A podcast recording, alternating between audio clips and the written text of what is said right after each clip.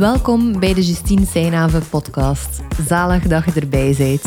Met deze podcast help ik groeiende en ambitieuze ondernemers om premium klanten aan te trekken en om zo hun omzet en vrije tijd minstens te gaan verdrievoudigen. In de podcast ga je onder andere verhalen horen over het ondernemerschap, kritische vragen om te helpen je business sterker te maken en heel veel tools om zowel je money mindset te verbeteren als het high-end business model te beginnen hanteren. Welkom dus en veel luisterplezier.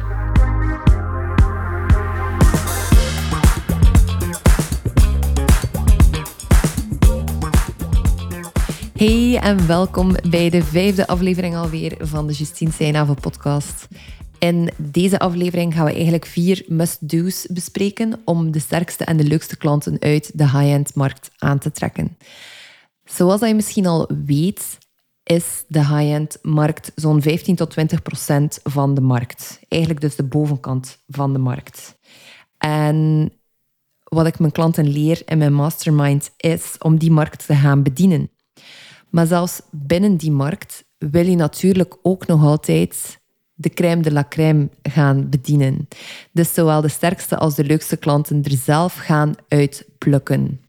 Want dat is dus ook wat ik mijn klanten leer, is om een toestroom aan dergelijke klanten te kunnen creëren. Dus dat zij jou zelf vinden, dat zij zelf bij je komen aankloppen en zeggen van, ga, zoals ze bij mij bijvoorbeeld doen, ga Justine, ik zit met dit of dit probleem, ik heb wel een goed draaiend bedrijf, maar ik wil er meer uithalen, ik wil meer tijd voor mezelf, ik wil meer winst kunnen behalen en dan kan ik hen verder helpen. Nu, wat bedoel ik eigenlijk precies met de sterkste en de leukste klanten? Want uh, misschien klinken dat simpele, maar ook een beetje abstracte woorden voor jou. Wat bedoel ik met sterkste? Dat zijn degenen die de beste resultaten halen. En waarom wil je uit de high-end markt net de mensen die de beste resultaten ook halen? Dat is heel simpel. Stel dat je interieurarchitect bent en je coacht mensen ook om hun eigen interieur te gaan samenstellen. Als er daar een aantal supermooie resultaten uitkomen van dus jouw sterkste klanten, zijn die opnieuw heel tevreden en eigenlijk een uithangbord al voor volgende klanten om potentiële leads aan te trekken. Dus het luik van word of mouth en sterke resultaten neerzetten om goede social proof te hebben en zo nieuwe klanten aan te trekken, is een van de meest duurzame en mooiste en simpelste manieren om eigenlijk een uh, goed draaiend bedrijf te bouwen. Daarom dat ik altijd aan mijn klanten aanraad om te gaan kijken van oké, een lead dat voor u zit in een sales call, is dat een sterk lead, denk je? Uh, is die persoon echt in staat om sterke resultaten neer te zetten? Resultaten die binnen de lijn liggen van hetgene dat jij als grote belofte heb neergezet. Dat is ook iets dat ik mijn klanten leer, om eigenlijk een grote belofte te gaan uitdenken en te gaan neerzetten om zo nieuwe potentiële klanten aan te trekken en in hun messaging te gebruiken. Dus dat is het luikje de sterkste klanten. Aan de andere kant wil je ook de leukste klanten kunnen aantrekken. Want misschien denk je bij de sterkste al van oei, gaan die niet zo heel afhankelijk zijn? We gaan ook gaan focussen op de leukste klanten die dus niet aan jou gaan hangen. Zij beschouwen jou wel als leider en er is voldoende ruimte en je hebt voldoende autoriteit bij die klanten, maar ze gaan niet om de vijf voet bij je komen aankloppen met de minste kleine vraag of onzekerheid die ze hebben om ja, jouw, jouw energie op die manier weg te nemen. Want dat is iets heel belangrijks. Uw klanten zijn echt een plek als, als coach of als dienstverlener zijn heel vaak een plek waar dat er ofwel heel veel energie kan wegstromen, ofwel dat je er net heel veel energie van kunt krijgen. Je wilt natuurlijk degene aantrekken van wie dat je energie krijgt. Dus zij beschouwen u als leider en zij gaan niet om de vijf voet vragen stellen ook, maar ze blijven wel kritisch nog altijd op hetgene dat je zegt. En als ik zeg van ze gaan niet om de vijf voet vragen stellen, bedoel ik daarmee niet bijvoorbeeld mijn eigen klanten mogen mij echt op Voxer specifieke vragen stellen. Maar ik nodig hen ook wel uit om te gaan nadenken of een bepaalde vraag eigenlijk relevant genoeg is om te stellen. En de reden waarom ik dat doe is omdat heel vaak als we in een spannende situatie zitten, bijvoorbeeld in ons bedrijf, dan kunnen er van alles van gedachten naar boven komen. Stel, um, bijvoorbeeld, je hebt een salesgesprek gepland met iemand naar wie dat je wel ook opkijkt als ondernemer. En je zou heel graag die persoon dus als klant binnenhalen, maar je bent ook wel echt nerveus. Dan is de kans groot dat er gedachten naar boven komen als wie ben ik om eigenlijk die klant te gaan bedienen? Of ben ik wel goed genoeg daarvoor? Of ja, mijn klanten hebben de laatste tijd geen geweldige resultaten gehad. Is dat dan wel slim dat ik met die persoon in gesprek ga en dat ik nu aan die persoon zou verkopen? Dat zijn allemaal eigenlijk gevolgen van de emotie die eronder zit. Dus van de stress en de spanning dat je voelt. En heel vaak gaat mijn klanten dus uitnodigen, of eigenlijk praktisch altijd, om dat eerst even ofwel te gaan, daarover te gaan journalen, ofwel in een soort van app tegen zichzelf luidop te kunnen uh, gaan nadenken, om eigenlijk te gaan vermijden dat ze bij mij komen en dat ze bij mij gaan beginnen puur sparren. Want dat doe ik op zich niet. Ik ben geen sparringspartner over je onzekerheden. Een keer dat ze in een journal of zelf hebben um, alles even doorgepraat en dat ze tot de kern van hun angst of van de situatie gekomen zijn, dan komen ze met die vraag bij mij terecht. En dat zorgt voor een gezonde manier van coaching waarbij ze eigenlijk ook niet afhankelijk worden van mij. Want er zijn heel veel coaches die aan afhankelijkheidscoaching doen. Ik ben zelf een aantal jaar geleden ook in die fout gegaan. En daarmee help je mensen niet op lange termijn. Het is een beetje het verschil tussen leer mensen vissen of geef ze vis. Je wilt ze niet per se de antwoorden geven ehm, als coach aan je klanten. Je wilt ze in de richting sturen waar dat ze zelf de antwoorden kunnen vinden. Maar dat was een lang verhaal om eigenlijk te gaan uitleggen wat ik precies bedoel met het aantrekken van de sterkste en de leukste klanten in de high-end markt. Hoe doe je dat nu precies? Wat zijn nu die vier must-do's volgens mij om die klanten te gaan aantrekken?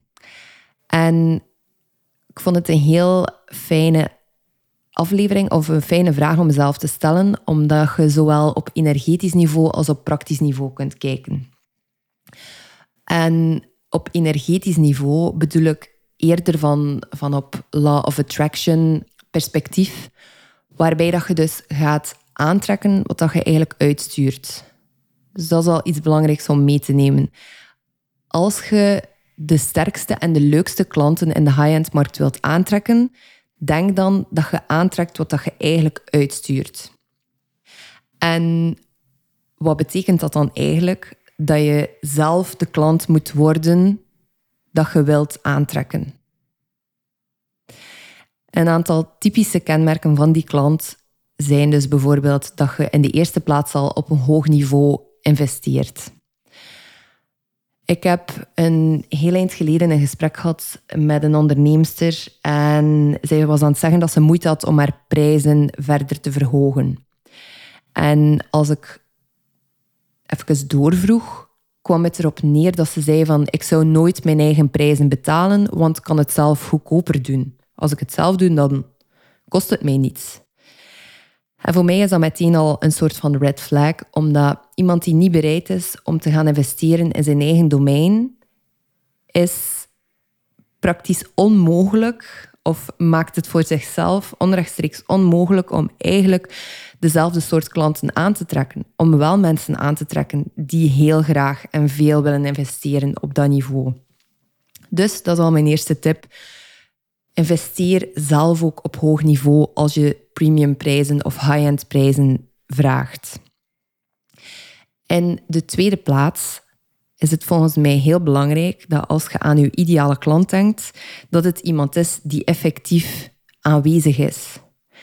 Het is iemand die in je coaching calls zit of in je één op één calls of die zijn huiswerk gedaan heeft als je een opdracht meegeeft of die een bepaalde video bekeken heeft dat je gezegd hebt die interessant kon zijn voor hem of haar. Dus uw ideale klant gaat eigenlijk altijd, of zoveel mogelijk toch, en als het niet mogelijk is, dan gaat ze erover communiceren naar u toe, maar gaat wel zichzelf laten zien en gaat showing up doen. tijdens het proces. Dat is een heel slechte combinatie van uh, Engels en Nederlands, maar je snapt wel wat ik bedoel. Dus uw klant zal er zijn in het proces en gaat alles geven en is committed aan het proces. En dat sluit eigenlijk ook aan bij het derde puntje dat typisch is aan de sterkste en leukste klanten in de high-end markt. Dat zijn mensen die echt bereid zijn om het werk te doen.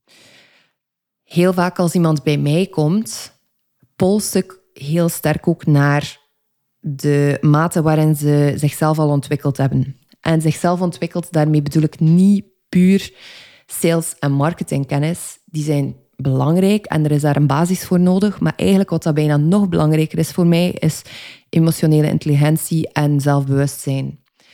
Dus de persoon die voor mij zit, of de persoon die mogelijk wil instappen in mijn mastermind bijvoorbeeld, die moet bereid zijn of die moet al een stukje emotioneel ontwikkeld zijn. Die kan niet zomaar alles en iedereen verantwoordelijk zitten houden voor het feit dat zij zelf bijvoorbeeld misschien nog niet de stappen heeft gezet die ze zou willen zetten. Die is bereid om verantwoordelijkheid te nemen. En dat brengt mij bij mijn vierde puntje. Uw ideale klant is iemand die zelf verantwoordelijk neemt voor haar resultaten of voor het proces ook. Ik zal ze nog eventjes opsommen. Dus je wilt iemand die ook bereid is om te investeren op hoog niveau. Je wilt iemand die aanwezig is. Je wilt iemand die effectief het moeilijke werk gaat doen. Dus niet gewoon het oppervlakkige werk. Bijvoorbeeld bij mij is dat dan sales- en marketingkennis vergaren. Maar het moeilijke werk is de emotionele rollercoaster van het ondernemen kunnen navigeren. En niet impulsieve beslissingen nemen als iets wat minder goed gaat, bijvoorbeeld. Want dat is gewoon deel van het proces. En op de vierde plaats wil je mensen die hun verantwoordelijkheid nemen. En nu wil ik u uitnodigen om bij jezelf even te gaan vaststellen van ben ik die persoon? Heb ik die kwaliteiten? Investeer ik al op hoog niveau? En als ik investeer, ben ik effectief aanwezig in het proces en doe ik het moeilijke werk. Het werk dat misschien niet noodzakelijk aan de oppervlakte ligt, of die misschien niet noodzakelijk vanzelfsprekend is, maar wel op het dieper niveau zich afspeelt. Neem ik moedige beslissingen om effectief de transformatie te gaan bereiken dat ik wilde of dat ik voor mij voor heb ingeschreven hier neem ik ook mijn verantwoordelijkheid aan voor de resultaten die daar wel of niet uitkomen. Dat zijn allemaal factoren die dus gaan bijdragen tot het aantrekken van betere klanten. Want je trekt eigenlijk niet aan vanuit law of attraction perspectief wat dat je wilt, maar wel wat dat natuurlijk voor je voelt. Of wat dat je belichaamt en wie dat je zijt. Als hij die persoon kunt worden, als hij dat soort klant kunt worden, zelf een sterke en leuke klant in de high-end markt, dan gaat het echt super makkelijk worden voor jou om effectief er zelf aan te trekken. En ik zei in het begin van de aflevering al van dat het op verschillende niveaus belangrijk is. Dus niet enkel vanuit law of attraction perspectief, maar als je eigenlijk gewoon ook al praktisch gaat nadenken over wat dat er zou gebeuren als je die vier puntjes of die vier must-do's zou beginnen toepassen. Dus investeren op hoog niveau, effectief showing up doen, het werk doen en uw verantwoordelijkheid nemen. Als we even de eerste tip al nemen. Je investeert op hoger niveau. Dus je komt ook in masterminds en in andere programma's terecht. En je netwerk gaat eigenlijk upgraden. Want wat er heel vaak gebeurt, of wat dat er zou moeten gebeuren bij een duurdere mastermind bijvoorbeeld, of een duurder groepsprogramma, is dat de, het kwalificatieproces iets complexer wordt of iets moeilijker wordt om binnen te geraken. Je moet aan bepaalde vereisten voldoen. Misschien kan je businessprogramma's bijvoorbeeld waar dat je minstens een half miljoen moet draaien om eigenlijk toegelaten te worden. Die bestaan ook trouwens. Als je ze nog niet kent, die bestaan zeker. Of bij mij bijvoorbeeld is het de bedoeling dat je al 5000 euro omzet draait per maand, vooraleer dat je in mijn mastermind terechtkomt. Dat is wel een zachte grens trouwens. Dus stel dat je daaronder zit of dat je daar nog niet zit, uh, maar je bent wel geïnteresseerd, laat het mij zeker weten ook. Daarnaast zitten de mensen, of zijn de mensen die dan in die groep zitten bijvoorbeeld, halen hoge resultaten. Hij is zelf ook iemand die het werk effectief gaat doen binnen de coachingtrajecten dat je zit. Dus je haalt zelf ook op den duur topresultaten. Misschien niet meteen na de eerste maand, maar na een half jaar bijvoorbeeld. En mensen beginnen nu interessanter te vinden op die manier. Want je hebt iets om over te vertellen en ze willen met je gaan connecten. En zo gaat eigenlijk die sneeuwbal verder en verder en verder aan het rollen. Dus als je de Law of Attraction nog wat woehoe vindt, weet dat het perfect in een super praktisch jasje altijd te gieten is. Ik ben super benieuwd wat je uit deze aflevering gehaald hebt. En ik kijk er naar uit om jou in de volgende te zien. Doei! Merci om te luisteren vandaag. Als je iets bijgeleerd hebt of hebt een nieuw inzicht gedaan dat je business gaat laten groeien, vergeet dan zeker niet om de podcast te volgen of u erop te abonneren. Of als je mij liever een persoonlijk berichtje stuurt, kan dat via de DM's op Instagram. Je vindt de link naar mijn profiel in de show notes.